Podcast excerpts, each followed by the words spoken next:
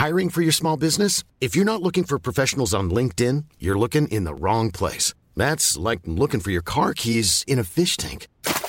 LinkedIn helps you hire professionals you can't find anywhere else, even those who aren't actively searching for a new job but might be open to the perfect role. In a given month, over 70% of LinkedIn users don't even visit other leading job sites. So start looking in the right place. With LinkedIn, you can hire professionals like a professional. Post your free job on linkedin.com/people slash people today.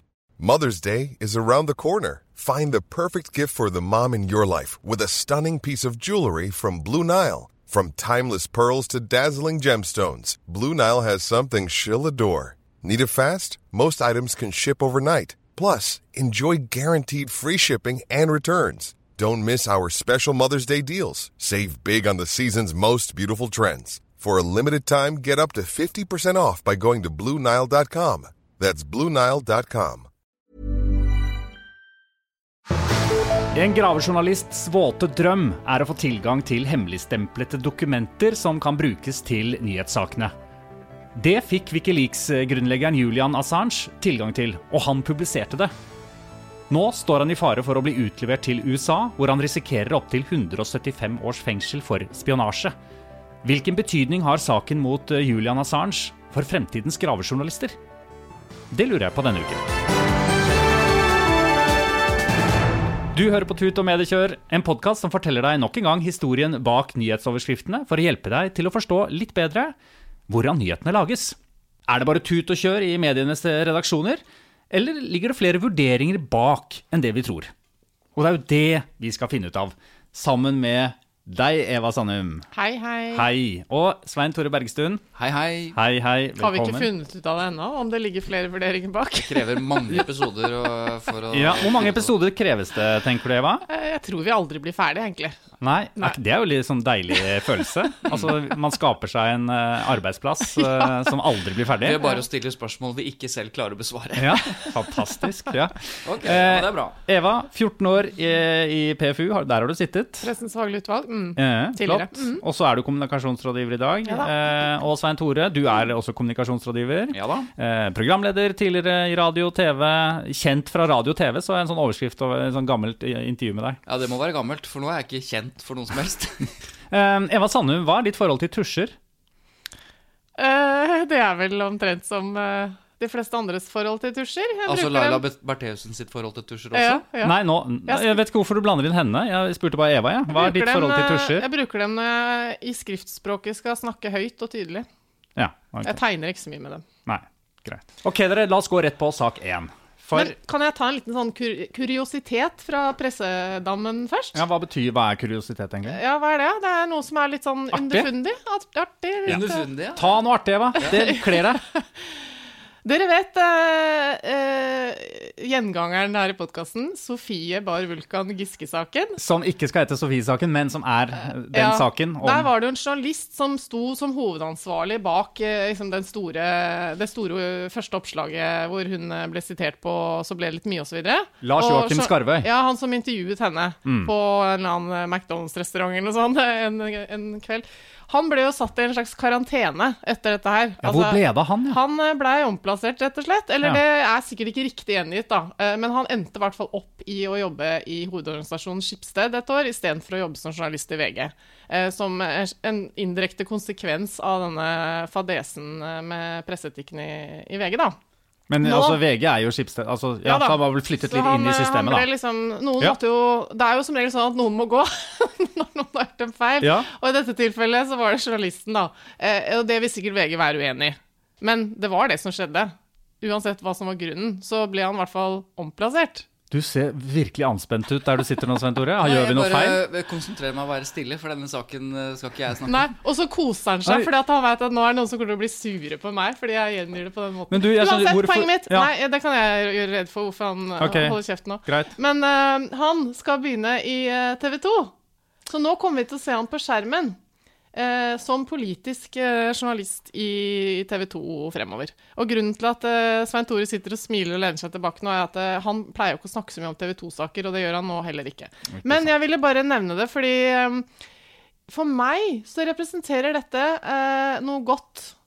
at eh, en som har gjort en feil, og nå også de siste dagene da har innrømmet at eh, ja, jeg gjorde en feil under Sofie-saken. Eh, jeg skjønner at jeg må bygge opp tillit, men at folk får en ny sjanse, det liker jeg. Nå må jeg nesten bryte nå likevel, selv om jeg ikke skal snakke om den saken. For du glemte det mest kuriose ved dette, er at han skal begynne å jobbe for den nyhetsredaksjonen som Ja. avdekket VGs Eller som Ja. tok hele Sofie-saken. ja. Det er jo det som gjør dette så spesielt. Beklager, Eva. Der glapp hva, hva skulle vi gjort kuriositeten uten eh, Svein din. Tore? Men, eh, men ok. Ja. Da er vi ferdig med den saken. Da er vi ferdig med den saken. Kuriosa over til sak én. Og da skal vi rett og slett uh, ta for oss et uh, lytterspørsmål, eller en lyttekommentar, som vi fikk fra forrige sending, da, hvor vi da snakket om rettssaken som pågår akkurat nå mot uh, Laila Bertheussen. Han heter Per Christian og skriver til oss. Dere burde ha kommet inn på det faktum at norske journalister i stor grad misliker Frp, og hvordan dette kan påvirke dekningen deres av en sak om sentrale Frp-politikere. Altså Tor Mikkel Wara er, jo fra Frp. Um, hvordan ville medietrykket og omtalen vært hvis dette var samboeren til f.eks. Audun Lysbakken fra SV? Ja. Som kjent, videre, som kjent viser den årlige medieundersøkelsen at 21,1% av norske journalister stemmer på SV, og bare 1,8% på Frp. Dette er en klassiker. Dette er interessant. Jeg har lyst til å bare Det, det er også morsomt at han bruker Audun Lysbakken eh, som eksempel. Fordi, eh, fordi Audun Lysbakken er jo da S, var jo SV-leder, er SV-leder. Han måtte gå av etter et stort mediepress i 2011 eller 2012 fordi han hadde gitt penger til et sånn selvforsvarskurs for kvinner, som viste seg at det var ungdomsorganisasjonen SV, eller SU, som, som sto bak. Kjempevanskelig sak for han. Mediene godtet seg over dette, som de gjør når alle statsråder for så, nei, Ikke godtet seg, men de jobbet veldig intenst med denne saken. Poenget mitt er han måtte gå av som statsråd. Ja. Eh, dette her, denne ideen om at Fremskrittspartifolk får lide mer enn andre i pressen fordi veldig få stemmer på Fremskrittspartiet, den er rett og slett ikke riktig. Okay. Så hvis du ser på, ser på de politikerne eller statsrådene som virkelig har, eh, har eh, slitt opp gjennom tida, så er det en overrepresentasjon av Arbeiderpartifolk. Å ja. Eh, Det handler jo selvfølgelig om at Arbeiderpartiet har sittet i regjering oftere enn Fremskrittspartiet. Men vi kan jo nevne noen saker, da. Og da tror jeg ikke det handler om liksom pressen misliker disse folka. Fordi Arbeiderpartiet er største parti blant journalister. Eh, Men Tore Tønne-saken har vi jo nevnt, med meget tragisk utfall. Hvor påstandene mot Dagbladet den gangen var at de nærmest tok livet av ham. Eh, Terje Rød-Larsen måtte gå. Annelise Bakken, det er gammel eh, sak som mange har glemt. Manuela Ramin Aasmundsen. Trond Giske har vi snakket mye om. Zaira Khan. Altså, listen er Rune lang Mm. over Arbeiderpartipolitikere. Og så finnes det mange andre. Audun. Lysbakken, Åslaug Haga som måtte gå. Eh, Trude Drevland i Bergen. Viktor Nordmann, Høyre. Så at det, det Trine Skei Grande har jo fått uh, Trine Skei Grande. har Ja. Så, det, så det er altså Pressen, når det gjelder å dekke sånne enten det er eh, metoo-saker eller kriminalsaker som dette her er, da, eller bare politiske skandaler, så er pressen i sin iver etter å kritisere og få fram eh, fakta, de er fargeblinde. Det tror jeg vi kan, eh, kan slå fast. Men det er riktig som eh, vår lytter sier, at, eh, at det er veldig få journalister som stemmer Fremskrittspartiet. Ja, og det er Hvordan vil det påvirke journalistene? Ja, jeg mener jo at det ikke påvirker journalistene i dekningen. For jeg har jo jobbet som journalist i 15 år, og jeg vet jo at jeg har Han som fikk cruisenummer, husker ikke hva det var, men de fikk jo cruise når de hadde vært i mitt studio i, i P4 hver gang de var der, og han som hadde flest cruise, det var Carl I. Hagen. Ja. Altså, Altså kaffekrus, ikke et krus til Karibia. Nei, de fikk ikke For cruise. hvert intervju. Ja. Nei, og det var jo et signal. Og jeg husker vi brukte Jon Alvheim, avdøde Fremskrittsparti-eldregeneralen. Altså, vi hadde masse Fremskrittsparti-folk i studio. Hvorfor hadde vi det? Jo, for de var flinke til å spille opp til debatt. De eh, snakket om, eh, sa- om innvandringssaker ofte osv., som ble veldig debatt. Så poenget er at eh, Fremskrittspartiet har jo, er jo et av de partiene som har nytt godt av TV, radio, media opp gjennom tiden, fordi journalistene hopper på de sakene veldig lett. Ja. Så om, om journalistene ikke stemmer på partiet, så lager det i hvert fall fullt av saker som gjør at Fremskrittspartiet får vise fram sin politikk. Da. Så Ja. Ja, for Du har jo snakket om at det er ofte et konfliktkriterium ikke sant? I, eh, i gode nyhetssaker. Så det har jo noe med det at med en gang det er noen som er ute og, og, og mener noe, eh, eller klager over noe, så er det en mye bedre sak. da. Eh, Og Frp velger seg jo ofte saker hvor de er litt i opprør. Og så skal Men, jeg si men, noe det er, men det er jo litt sånn at, at du har jo Det du stemmer på, kan jo være litt sånn tankesettet ditt i forhold til tankegangen rundt hva som er en sak, og hva er en konflikt. Ja, men eh, sånn som Fredrik Solvang, som er programleder på Debatten, sa i en podkast med, med Anders Giæver og, og Thomas Giertsen her for noen dager siden Altså Påstanden mot han, at han lar seg farge av sin politiske overbevisning, det er det som rammer han mest. Det synes han er mest ubehagelig. Nettopp fordi integriteten hans som journalist er så høy. Og det er jo ikke alle som har høy integritet av oss mennesker, men det å antyde at den politiske fargen din er med på øh, å, å, farge journalistikken din, det øh, Ja, det er det Jeg tror ikke det i så stor grad som jo påstandene er, da. Og så skal vi, skal vi skynde oss å legge til følgende. Det er riktig at, eh, at blant alle journalistene, og da mener jeg alle journalistene som kaller seg journalist, så er det overrepresentasjon av, av eh, altså Venstresiden, ja. Ikke sant? Det er det ikke blant uh, de politiske journalistene og redaktørene som f.eks. er medlem av Presselosjen. I hvert fall var det ikke det når de Presselosjen, hvem, hvem det? Presselosjen, det, er de, altså, det er de som er akkreditert til Stortinget, da. Altså de som er en del De av Stortingets presselosje. Ah, okay. Altså de som dekker nemlig politikken. Sitter i stortingskantina og- Ja, de som sitter og Tar et spiser eh, horn der. Og har, har kilder i politikken. Ja. Der er det motsatt. Der viste i hvert fall den gangen de analyserte det, og, det, og presselosjen er jo utskiftingen der også, viste seg at det var et blått flertall. Ja. Og det er jo noe som man glemmer da i en diskusjon rundt røde journalister, at de politiske journalistene og redaktørene eh, stemmer også Altså, Aftenposten eh, foreslo ved forrige valg å stemme, stemme blått. Eh, Dagens Næringsliv er ikke spesielt eh, rød avis, heller ikke Finansavisen eller Nettavisen, skal vi tro leserne. Sånn at eh, det er nok ikke helt klart, dette bildet, da. Ja, altså er det ikke men- å bruke ordet 'misliker', og derfor så får nå Bertheussen mer tyn enn andre. Det er det rett og slett ikke hold i. Men selv om uh, Svein Tore nå redegjør godt for at uh, journalister skal være og er uh, objektive, så, er det, så syns jeg jo altså Det er ikke et dumt uh, spørsmål i utgangspunktet, det å, å, å si at Hvorfor skal vi tro at journalister har så utrolig god evne til å ha integritet og være nøytrale og, og liksom ikke la seg påvirke ja, ikke sant? Fordi men, det er jobben Men jeg tror ikke nødvendigvis at det er så selvsagt for alle. Nei. At sånn er det å være journalist. Det er veldig lett å se for seg at man blir preget av hva man selv eh, mener om de store samfunnsspørsmålene. Da. Når man, ikke når man skriver eh, setningene sine i en artikkel, men når man prioriterer fokuset. Men- For eksempel, liksom, og når man det er et- hva et man siste skal poeng, Da, dekke. som, jeg, som kanskje er verdt å nevne, at eh, når man blir journalist Altså Det som ligger i noe av den journalistiske hovedoppgaven, det er, eh, for å være litt pretensiøs, å gi stemme til de stemmeløse, blant annet. Det å, å, eh, å ha kritisk blikk på makta og løfte fram eh, enkeltsaker eller enkeltskjebner eller hva det måtte være, som blir utsatt for jeg vet ikke, urettferdighet, overgrep osv. Den tenkningen som ligger som en bunnplanke i, i mye av journalistikken, eh, mener jeg, da, det tiltrekker seg av mennesker som er opptatt av disse tingene. Som er opptatt av urettferdighet. Nå er så engasjert at de rister Ja, i men bordet bak ham. det er også Ja, men noe det er grunn, veldig- det jeg er tror jeg også noe av grunnen til at rekruttering til journalistyrket blir sånn. At da får du flere fra venstresiden. Og det er jo et poeng.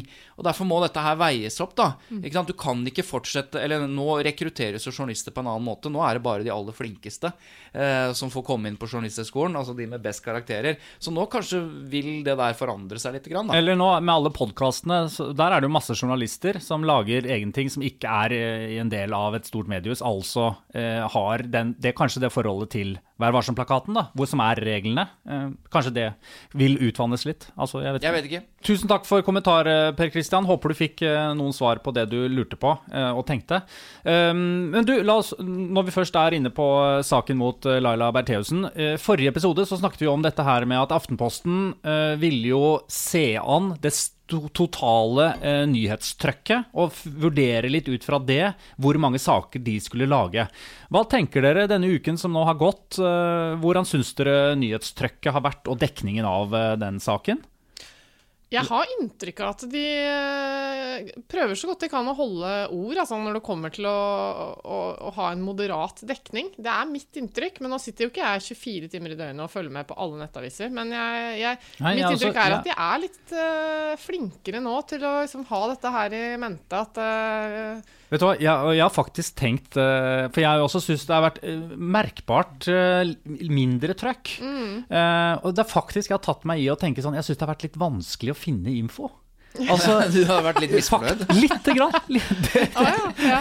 Da er du veldig interessert i den saken her, da. Ja da, jeg Og du er jo en nyhetsjunkie. Ja da, det er også. Jeg er enig, og hvis du øh, Og det er sånn at Aftenposten, som vi Vi intervjuet jo nyhetsredaktøren i Aftenposten som sa dette her øh, forrige episode. Og det er jo sånn hvis du går inn på VG, så har de øh, når, når dagen starter, og rettssaken starter, så har de en to-tre store saker på fronten. Aftenposten en liten stripe helt øverst, for eksempel. Sånn Men det at, øh, som eh, bidrar ofte, er jo at én en redaksjon, en avis, samler et sakskompleks, sånn at du kan liksom klikke på her er eh, terrorsaken, eller her er den og den saken, og så finner du på en måte alle artiklene der, Ja. for at de pusher ut alle Og det- småsaker. Og det kjenner jeg litt på en sånn fin litt sånn ro over det. At jeg kan selv vurdere litt mer når jeg Oi, nå lurer jeg på hva som har skjedd. Og så Ja. får jeg en liten glede i det ved å gå inn og klikke på det, det stedet. Ja, Istedenfor at jeg bare sånn- får det rett i trynet Ja, ja. konstant. Men du, jeg har bare lyst til å si en ting. Det som er interessant fra denne uka uh, i denne saken, er jo at uh, på fredag, som det er i morgen for oss, så vi får ikke kommentert hvordan dette går, det, da har jo uh, Vara, da, Tor Mikkel Wara, han har jo ønsket at befaringen hjemme, i hjemmet deres på Røa, ikke skal øh, øh, skje med pressen til stede. Ja. Og det syns jeg er veldig interessant, for her tror jeg nok at journalister vil mene at eh, jo, det må jo vi, for det er en del av en rettssak. Og da er vi eh, nødt til å være til stede for å eventuelt kunne rapportere om viktige ting som skjer under denne befaringen. de skal altså Ja. inn i huset til Tor Mikkel Ja. Og Laila Bertheussen. Og det, Jo, men- altså Uten at vi har spurt noen redaktører nå om hva de mener om det, da, eh, så vil jeg bare anta at det er den generelle holdningen i pressen. Ja, Spør meg, da. Spør meg, spør meg da. Hva syns du, Christian? Ja, jeg syns det er helt riktig tenkt. Ja, for at det der, Det er jo når- når det blir lagt frem for kjenner jeg blir... at jeg ikke syns eh, at det er en selvfølge. Nei. For at vi snakker jo om hjemmet til noen, og så blir mitt spørsmål hvem er det som egentlig skal finne ut av disse tingene her? Nei, det, det Er er det vi og pressen, eller er det rettssalen? Altså Jo, men logikken her er jo enkel. At så lenge Altså, utgangspunktet som vi har snakket om flere ganger, rettssaker i Norge er åpne. Ja så hvis det, ikke, hvis det ikke går for lukkede dører, eller blir bestemt noe annet, så er de åpne. Og det betyr også at alle, alt som har med rettssaken å gjøre, rettsbefaringer eller befaringer eller sånn, det er også åpent. Og så skjønner jeg at det blir litt eh, liksom rart når, når befaring i et hjem plutselig er Ja, åpent. det er jo det som er poenget mitt. Ja, jeg skjønner det. Det er men- jo hjemmet til men noen, da må man ha en grunn til. Da må man jo argumentere for å få retten med på at det er en grunn til at dette skal lukket. Og da er spørsmålet holder det å argumentere for privatlivets fred. Ofte gjør de jo det, Ja. så det kan godt hende at det holder. Vi får følge med på hvordan vi ser Vi skal dekningen om dette til helgen. Vi skal Fordi følge med. Fordi jeg, jeg bare ja. Nei, øh, vi, vi, nå går vi videre Ja. til uh, neste sak. Fordi det er jo også en annen uh, rettssak som uh, foregår nå. Som bl.a. samfunnsdebattant Erling Borgen og Nettavisens redaktør Gunnar Stavrum mener journalister bør følge mye mer med på enn det de gjør. Nesten katastrofalt dårlig dekket. Um, og det er jo nettopp uh, rettssaken mot Julian Assange. Bare aller først, hvem er han? Julian Assange eh, det er jo grunnleggeren av eh, Wikileaks. Ja. eh, Som er dette nettstedet som, eh, som eh, baserer seg på leaks, altså lekkasjer, og som, som ble jo mest kjent for å, å lekke hemmeligstempede etterretningsdokumenter knyttet til eh, USAs krigføring. Ja, Som i- dokumenterte krigsforbrytelser og vanvittige grove ting som USA begikk da. Ja, og nå sitter han altså i rettssak som skal avgjøre om han kan utleveres til USA. For i USA så er han anklaget for spionasje og risikerer opptil 175 års fengsel. Ja, alvorlige greier. Og han Alvorlig. er jo selv ikke amerikaner, bare så det er sagt. Han er fra Australia. Ja. Ja. Så i, dette er jo på en måte eh, litt den samme hvorfor vi snakker om dette. Det er fordi at jeg er jo veldig sånn eh, For en gravejournalist det å få tak i hemmeligstemplede dokumenter er jo på en måte en gulrot. Altså, det er jo det man jobber for. Det er virkelig Ja, fordi ja, men det er veldig viktig å få tak i for å få frem en, ideen om å få frem en sannhet til samfunnet. Nå har Julian Assange klart det. Han har fått tak i dokumenter, og han har publisert dem. Mens nå risikerer han 175 års fengsel. Ja. Da lurer jo jeg på litt sånn øh, Skaper ikke dette noe en skrekk hos gravejournalister til å bare ikke ville jobbe med å finne frem de sånne dokumenter? Det er jo det som er faren. Ja. Ikke sant? Det er det som er eh, kjernen i denne saken, og som gjør at veldig mange eh, eller i hvert fall enkelte, mener at den er underdekket. Da, eh, ja, da er jeg jo i- i enig i det, da. For det er jo en utrolig viktig sak for, eh, for eh, eh, rommet til journalisten å jobbe i, da. Ja, jeg er også enig i det. Det er veldig merkelig, fordi at eh, man er vant til at presseorganisasjonene, Presseforbundet og Redaktørforeningen og den type organisasjoner alltid står på barrikaden når det handler om ytringsfrihet og pressefrihet og sånn. Mens her så har det ikke vært fullt så mye trøkk. Nei. Eh, så- men, Hvorfor eh, ikke? Nei, det er et godt spørsmål. Og Norsk Penn er en organisasjon som virkelig har vært opptatt av denne saken, og dekket den og vært nede i London og fulgt med før korona og sånn. Altså Norsk Penn er jo da den norske avdelingen av Internasjonale Penn. Og, og det er verdens største eh, skribent- og ytringsfrihetsorganisasjon, da, som er stiftet eh, tidlig på 1900-tallet. Ok, Og hva er det de sier? Eh, Det er da Katarina Goldfein Johnsen, som eh, er kommunikasjonsrådgiver i Norsk Penn. Eh, hvor jeg spurte henne som, hva er det, hva, hva hvordan startet denne saken, hva er problemet her? Denne saken mot Julian Assange og Wikileaks begynte i eh, 2010, da Julian Assange innleda et samarbeid med varsleren Chelsea Manning, en forsvarsanalytiker, som delte materiell med Julian Assange og Wikileaks. Det materiellet viser eh, eh, krigsforbrytelser og overgrep gjort av USA i Irak og Afghanistan i årene i forkant. Eh, en, et av dokumentene eh, som har vært veldig kjent, er den videoen som heter 'Collateral Murder', som viser drapet på to Reuters-journalister i Irak i 2007. Eh, ingen har eh, blitt dømt for de handlingene i videoen, men nå er det publisisten som skal tas for det. Han står nå eh, tiltalt i USA eh, og kan bli utlevert fra Storbritannia. Det betyr at en et, eller, unnskyld, en publisist fra et tredjeland kan eh, bli tiltalt og dømt i USA for publisistisk virksomhet som har foregått i et helt annet land. Det vil i så fall gi en enorm presedens for journalistikk verden over. Det betyr at alle journalister som bedriver kritisk journalistikk mot USA, plutselig kan hentes til USA og tiltales der. Det er skummelt. Ja, dette var kommunikasjonsrådgiver i Norsk Penn. Ok, Jeg merker jeg blir litt forvirret, fordi hun snakker om en publisist. Altså at uh, Julian Assange er en publisist, men ikke en journalist? Eller hva er forskjellen, egentlig? Ja, men det er begreper Altså, uh, Hvis du jobber i VG, så er du journalist. Ja. Men VG er en publisist. Altså Det er rett og slett bare VG som organisasjon som er publisist, som publiserer stoff. Men Ja. en journalist er en som jobber i en publisistisk organisasjon. Wikileaks er et nettsted. Men det er jo interessant at du spør, fordi USA er jo veldig opptatt av å fortelle at Julian Assange er ingen, eh, er ingen journalist. Så Nei. dette gjelder på en måte ikke journalister. Ta Ja. det med ro. Han er bare en fyr som har hentet masse hemmelige dokumenter og spredd dem på nettet. Så de prøver å definere ut han som ikke journalist eller publisist. Han er bare en kjeltring. Ja. Så det er interessant Veldig, at de altså. bruker den argumentasjonen. Men det er jo som hun eh, sier i Penn, dette kan få store konsekvenser. For prinsipielt så er det ikke noe forskjell på å publisere gjennom Wikileaks og publisere eh, gjennom eh, vanlige presseorganisasjoner. Da. Altså, faren her er jo at, faren er at dersom eh, Assange eh, ble dømt i USA for dette, så kan jo eh, i prinsippet en publikasjon som Aftenposten også ettergås for å ha publisert det samme materialet. Ikke sant? Det er det som er eh, Det er det Ja, som det er er frykten, i hvert fall. Ja. Mm. Som gjør at eh, man burde Men da igjen tilbake til spørsmålet. uh, Hvorfor er det ikke sånn Hvorfor blir ikke da denne saken dekket spesielt mye? Ja, det er, eh, det er litt rart. Altså, Klassekampen eh, har dekket eh, en god del. Eh, Vi kan eh, Altså eh, Katarina i Norsk Penn eh, snakket litt om dette også. La oss høre.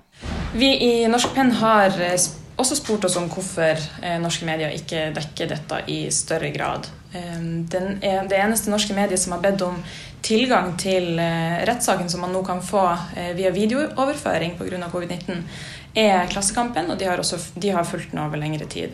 Eh, og der har jeg forstått det sånn at de starta med å engasjere seg i det fordi at en redaktør sa Men hva er egentlig saken? Hva er det egentlig det handler om? For Man har hørt så mye om Julian Assange de siste ti årene, men hva er det egentlig denne saken handler om? Og så har de gått grundig til verks og gått gjennom saken. Og det er det vi frykter at andre ikke gjør. At man har hørt mye forskjellig fra mange forskjellige kilder om Julian Assange over de siste ti årene, men kanskje ikke har ressurser eller ikke har et ønske om å gå inn og se på saken fordi det er tidkrevende og ressurskrevende. Ehm, men det er veldig synd at ikke flere gjør det. Hva er, det som er, hva er det som henger ved Julian Assange som gjør at uh, man kanskje ikke helt gidder å ta i han? Jo, altså, Nå nevnte hun jo Klassekampen. Ja. Eh, og vi spurte Mari Skurdal i Klassekampen nettopp om eh, også hva hennes vurdering av dette her er. Hvorfor er det sånn, tror hun, at, eh, at det ikke er noe særlig interesse eller nok dekning av, eh, av denne saken? Jeg mener at uh, mange har latt seg uh, distrahere, for å si det sånn, av uh, alle de andre på en måte stridighetene eller kontroversene rundt, rundt Julians Assange person. og, og ideer om, om, det, da. Altså, hva som har skjedd seinere, f.eks. Uh, anklagene mot han om at han har latt seg styre av russerne, latt seg bruke eh, om eh, seksuelle overgrep i Sverige. Alt dette andre som, eh, som har dukka opp. Og som ikke egentlig har noen ting med denne saken i det hele tatt å gjøre. Eh, men alt dette andre har gjort at, han, at Assange selv har blitt en slags, en slags person non grata, en man ikke vil ta i, som blir litt vanskelig.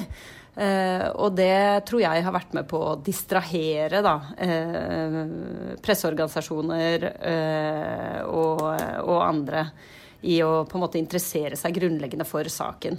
Så jeg mener at dette her er eh, vår eh, Pentagon Papers-sak, eh, vår tids Pentagon Papers-sak. Pentagon Papers var eh, denne store lekkasjen eh, hvor eh, USAs framferd i Vietnam ble avslørt for et amerikansk publikum. Og i går vitna Daniel Ellsberg, kilden til disse avsløringene, i, i rettssaken mot Julian Assange i i London på videolink, og han eh, sa det samme. Dette er eh, forbausende likt eh, saken jeg var involvert i. Og USA prøvde også da å, å eh, etter eh, straffeforfølge han. Eh, og dette er viktige prinsipielle saker for, åpen, for et åpent samfunn, for pressefrihet. I'm Sandra, and I'm just the professional your small business was looking for. But you didn't hire me because you didn't use LinkedIn jobs. LinkedIn has professionals you can't find anywhere else, including those who aren't actively looking for a new job but might be open to the perfect role, like me. In a given month, over 70% of LinkedIn users don't visit other leading job sites. So if you're not looking on LinkedIn, you'll miss out on great candidates like Sandra. Start hiring professionals like a professional. Post your free job on linkedin.com/people today. Millions of people have lost weight with personalized plans from Noom, like Evan, who can't stand salads and still lost 50 pounds. Salads, generally, for most people, are the easy button, right? For me, that wasn't an option. I never really was a salad guy. That's just not who I am. But Noom worked for me. Get your personalized plan today at Noom.com. Real Noom user compensated to provide their story. In four weeks, the typical Noom user can expect to lose one to two pounds per week. Individual results may vary.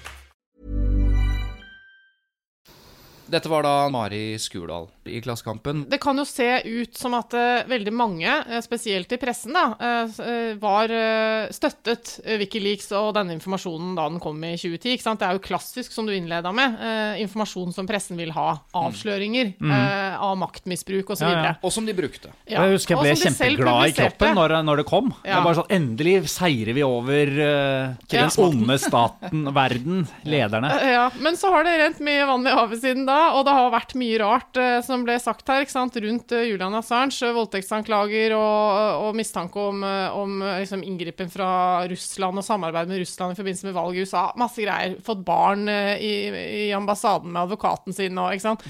Mye rart. Men du, hvordan er, hvordan er hans Nei, tilstand i dag? Nei, det er ikke sant. For at, uh, nå fremstår jo han som en uh, veldig syk mann, egentlig. Uh, når man ser bilder av han, og det omtales også som at han er helt rar. Altså, hun fortalte meg også, hun i Norsk Penn, at her, her, om dagen i rettssaken så hadde han skreket 'nonsens' som kommentar til noe som skjedde i rettssaken. Så fikk han påpakning da, fra, fra retten om å, å være mm. stille og sånn. Men det ble gjengitt i amerikanske medier som at han hadde et uh, utbrudd Ja. uten noe mer detaljer. Og det er litt sånn typisk, sa hun, eh, for hvordan dette her blir dekket. Da, ikke sant? At uh, Han blir også fremstilt som, uh, som en syk mann. Så jeg spurte henne liksom, er han en syk mann. Det kan iallfall se sånn eh, ut for oss som var der i retten i februar. Så så vi en, en syk person som eh, satt og blunka febrilsk opp mot taket. Han så utmatta ut. Han var ikke til stede i sin egen eh, rettssak. FNs spesialrapportør for tortur, Nils Meltzer, har jo i en lang rapport beskrevet hvordan Julian Assange utsettes for tortur i fengselet han sitter i nå. Psykisk tortur. Eh, og det har vært et stort eh, legeopprop fra leger som mener at man må eh, fri, settes fri pga. hans helsetilstand. Ja, det var Katarina Goldfein Johnsen fra Norsk Penn. Ja. Så er det jo sånn at eh, de mediene vi nå eh, kritiserer for ikke å ta i denne saken, det er jo flere som, har, som skriver om den. Eh, det er ikke sånn at det er helt stille. Og det er flere på kommentarplass som har eh, sagt at denne saken er veldig viktig, bl.a. Uh, Gunnar Stavrum i, Nettavisen. Men, Dagsavisen også. Mm. ja, men eh, vi spurte nyhetsredaktør i Aftenposten, Tone S- Strøm. Gundersen, eh, om, det, Kan du bare vennligst forenkle navnet ditt, Ja. Tone? Vær så snill, Tone. Vær så snill. Eh, og, og, og hun sier at de dekker dette her på helt vanlig måte, eh, og er opptatt av også å understreke at de ikke har hatt noe samarbeid med Julian Assange, selv om de brukte eh, informasjon som kom, eh, som kom ut av Wikileaks. Da. Her er hun. Ja, Vi følger dem på vanlig måte, dekker den redaksjonelt. eh, Følger med på vurderingene. Vi hadde en sak i går som var en guide for leserne inn i Assange-komplekset. Der vi forklarte historikken, hva som har skjedd, hva han er tiltalt for, og, og hva som har skjedd i de ulike fasene av saken. For å hjelpe leserne inn, inn i denne saken og følge med. Dette kan få så store konsekvenser for, for journalistikk. da, At det er ikke bare som å dekke en vanlig sak. Hva tenker du om det? Jeg tenker at det er et veldig viktig poeng. Og at mediene, inkludert Aftenposten, har mange organisasjoner eh, vi kan jobbe med dette gjennom. Bl.a. Redaktørforeningen, Penn. Eh, internasjonalt så finnes det organisasjoner som Aftenposten kan, også kan bidra til å jobbe gjennom eh, for å få opp denne problemstillingen. Men det er forskjell på hva Aftenposten mener på lederplass, og hvordan vi jobber i de formelle organisasjonene, og hvordan vi dekker saken redaksjonelt. Det er to forskjellige ting. Dette var altså Tone Tveøy Strøm Gundersen, som er nyhetsredaktør i Aftenposten. Men hva er det som forventes å skje videre nå i denne saken? Man, hva er det de som eh, Norske Penn, f.eks., hva, hva Ja. ønsker de skal skje? Ja, ikke sant? Eh, eh, de mener jo at alle anklager burde droppes, og at Assange skal settes fri. Ja. Obama- Obama-administrasjonen eksempel eh, la jo fra seg denne saken, selv om de også var inne på det med Espionage Act, men la den vekk. Nå mener Norsk Penn at det, det samme må Trump-administrasjonen gjøre. Ja. Han må settes fri. Men det vil jo ikke USA eh, gå med på, selvfølgelig. De, de eh, anklager han jo fortsatt for spionasje. Og vil ha han utlevert. Ja. Og dømt. Ja. Sperret inne. For ting som ikke er publisert i USA. Ja. Dere, vi er kommet frem til eh, vår faste kjære, vil jeg si. Ja. Jeg, jeg gleder meg alltid til den. Det er jo åpent eller lukket. Ja. Ja. Hvilke spørsmål stiller norske journalister? Åpne eller lukkede? Og er de gode, eller er de dårlige? Ja, ikke sant? Og um, Eva, det er du som har med deg ukens uh, lille kuriositet. Skal ja, vi si det? Ja, kuriositet. Fint Ja. ord. Jeg har lyst til å pirke litt i Svein Tores hang til eh, at alle spørsmål skal være veldig åpne. Uh, fordi Ikke jeg, veldig åpne, de skal være åpne, presise og nøytrale. ja, vær så og så lo jeg litt uh, denne uka her. Det må ha vært ukas mest åpne, men likevel kanskje litt dumme spørsmål, da, stilt til advokat Elden på Dagsrevyen på tirsdag, tror jeg det var. Hva slags forhold har hun til tusjer? Eh, Antagelig samme forhold som du og jeg har til tusjer. Man bruker den når man tegner. Ja, det, Ja. Elden er jo kjekkast der litt. I Eh, samme forhold som vi alle har til tusjer, til å tegne med. Ja. Eh, ja. Men, men altså, det er jo et åpent spørsmål, eh, men det høres jo litt Det er jo litt komisk. Hva slags forhold har hun til tusjer? Ja. ja. Ja. Altså, det er jo ikke sånn at alle spørsmål, eh, åpne spørsmål er eh, gode. På samme Hva? måte som ikke alle lukka spørsmål er helt katastrofe. Men eh, jeg, jeg liker jo dette spørsmålet. Hva slags forhold har tiltalte til tusjer? Eh, Det er gøy hvis man bare ikke vet noen ting om saken, og så er det liksom første man får i Ja. eh, Da da er det jo da er det merkelig. Men samtidig, det er ikke særlig presist. ikke sant? Det er sånn, Hva slags forhold har hun til tusj? Vet faen jeg, Hva slags forhold har du til tusj? Altså, Det, det, det fremstår jo bare komisk. Ja. Fordi at øh, Og det er litt sånn som jeg kritiserer ofte spørsmål for å være, da. Enten de er åpne eller lukkede. At spørsmålet på en måte blir viktigere enn svaret. Det er viktigere å få stilt dette spørsmålet. Ei, hva slags forhold har hun til tusj? Men svaret Du vet jo på forhånd at Elden vil ikke si hun har et meget spesielt forhold til tusj. Hun bruker det når hun skriver rasistisk. Det har vært veldig Altså, gøy han svarte jo, det. Men, så det er jo et latterlig spørsmål. Hva slags Eh, forhold har du til tusj, faktisk, Svein Tore? Eh, jeg har et litt dårlig forhold til tusj akkurat nå, fordi Ja. treåringen bruker av og til tusj på steder man ikke skal bruke tusj, altså på bord og Ja. sånn. Så jeg er mer eh, fan av fargeblyanter. Ja, ikke sant. Men dere, eh, det var det vi rakk i dag. Eh, Eva Sandum, Svein Tore Bergstuen Yes. eh, og jeg heter fortsatt Christian Lider Marstrander. Eh, Hva er ditt forhold til podkaster? jeg produserer podkaster gjennom Lyder Produksjoner, Nettopp. som blant annet denne podkasten. Også tusen takk til Fritt ord for støtte. Takk. Og hvis du vil bli annonsør i Tut og Medkjør, så kan du ta kontakt på tut.lydproduksjoner.no. Og så setter vi veldig pris på at du liker og deler og abonnerer liker og deler og er abonnerer. en god venn og lytter. Ja. Ha det. Ha det. Ha det!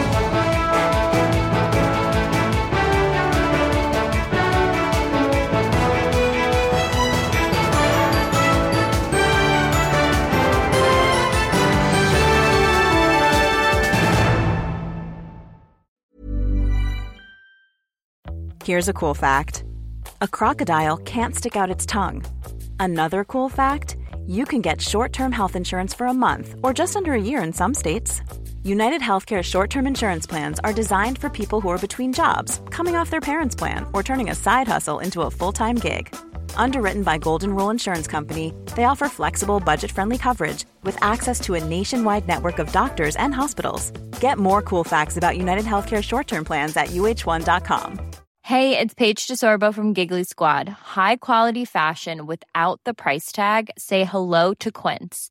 I'm snagging high-end essentials like cozy cashmere sweaters, sleek leather jackets, fine jewelry, and so much more. With Quince being 50 to 80% less than similar brands. And they partner with factories that prioritize safe, ethical, and responsible manufacturing. I love that. Luxury quality within reach. Go to quince.com slash style to get free shipping and 365 day returns on your next order. Quince.com slash style.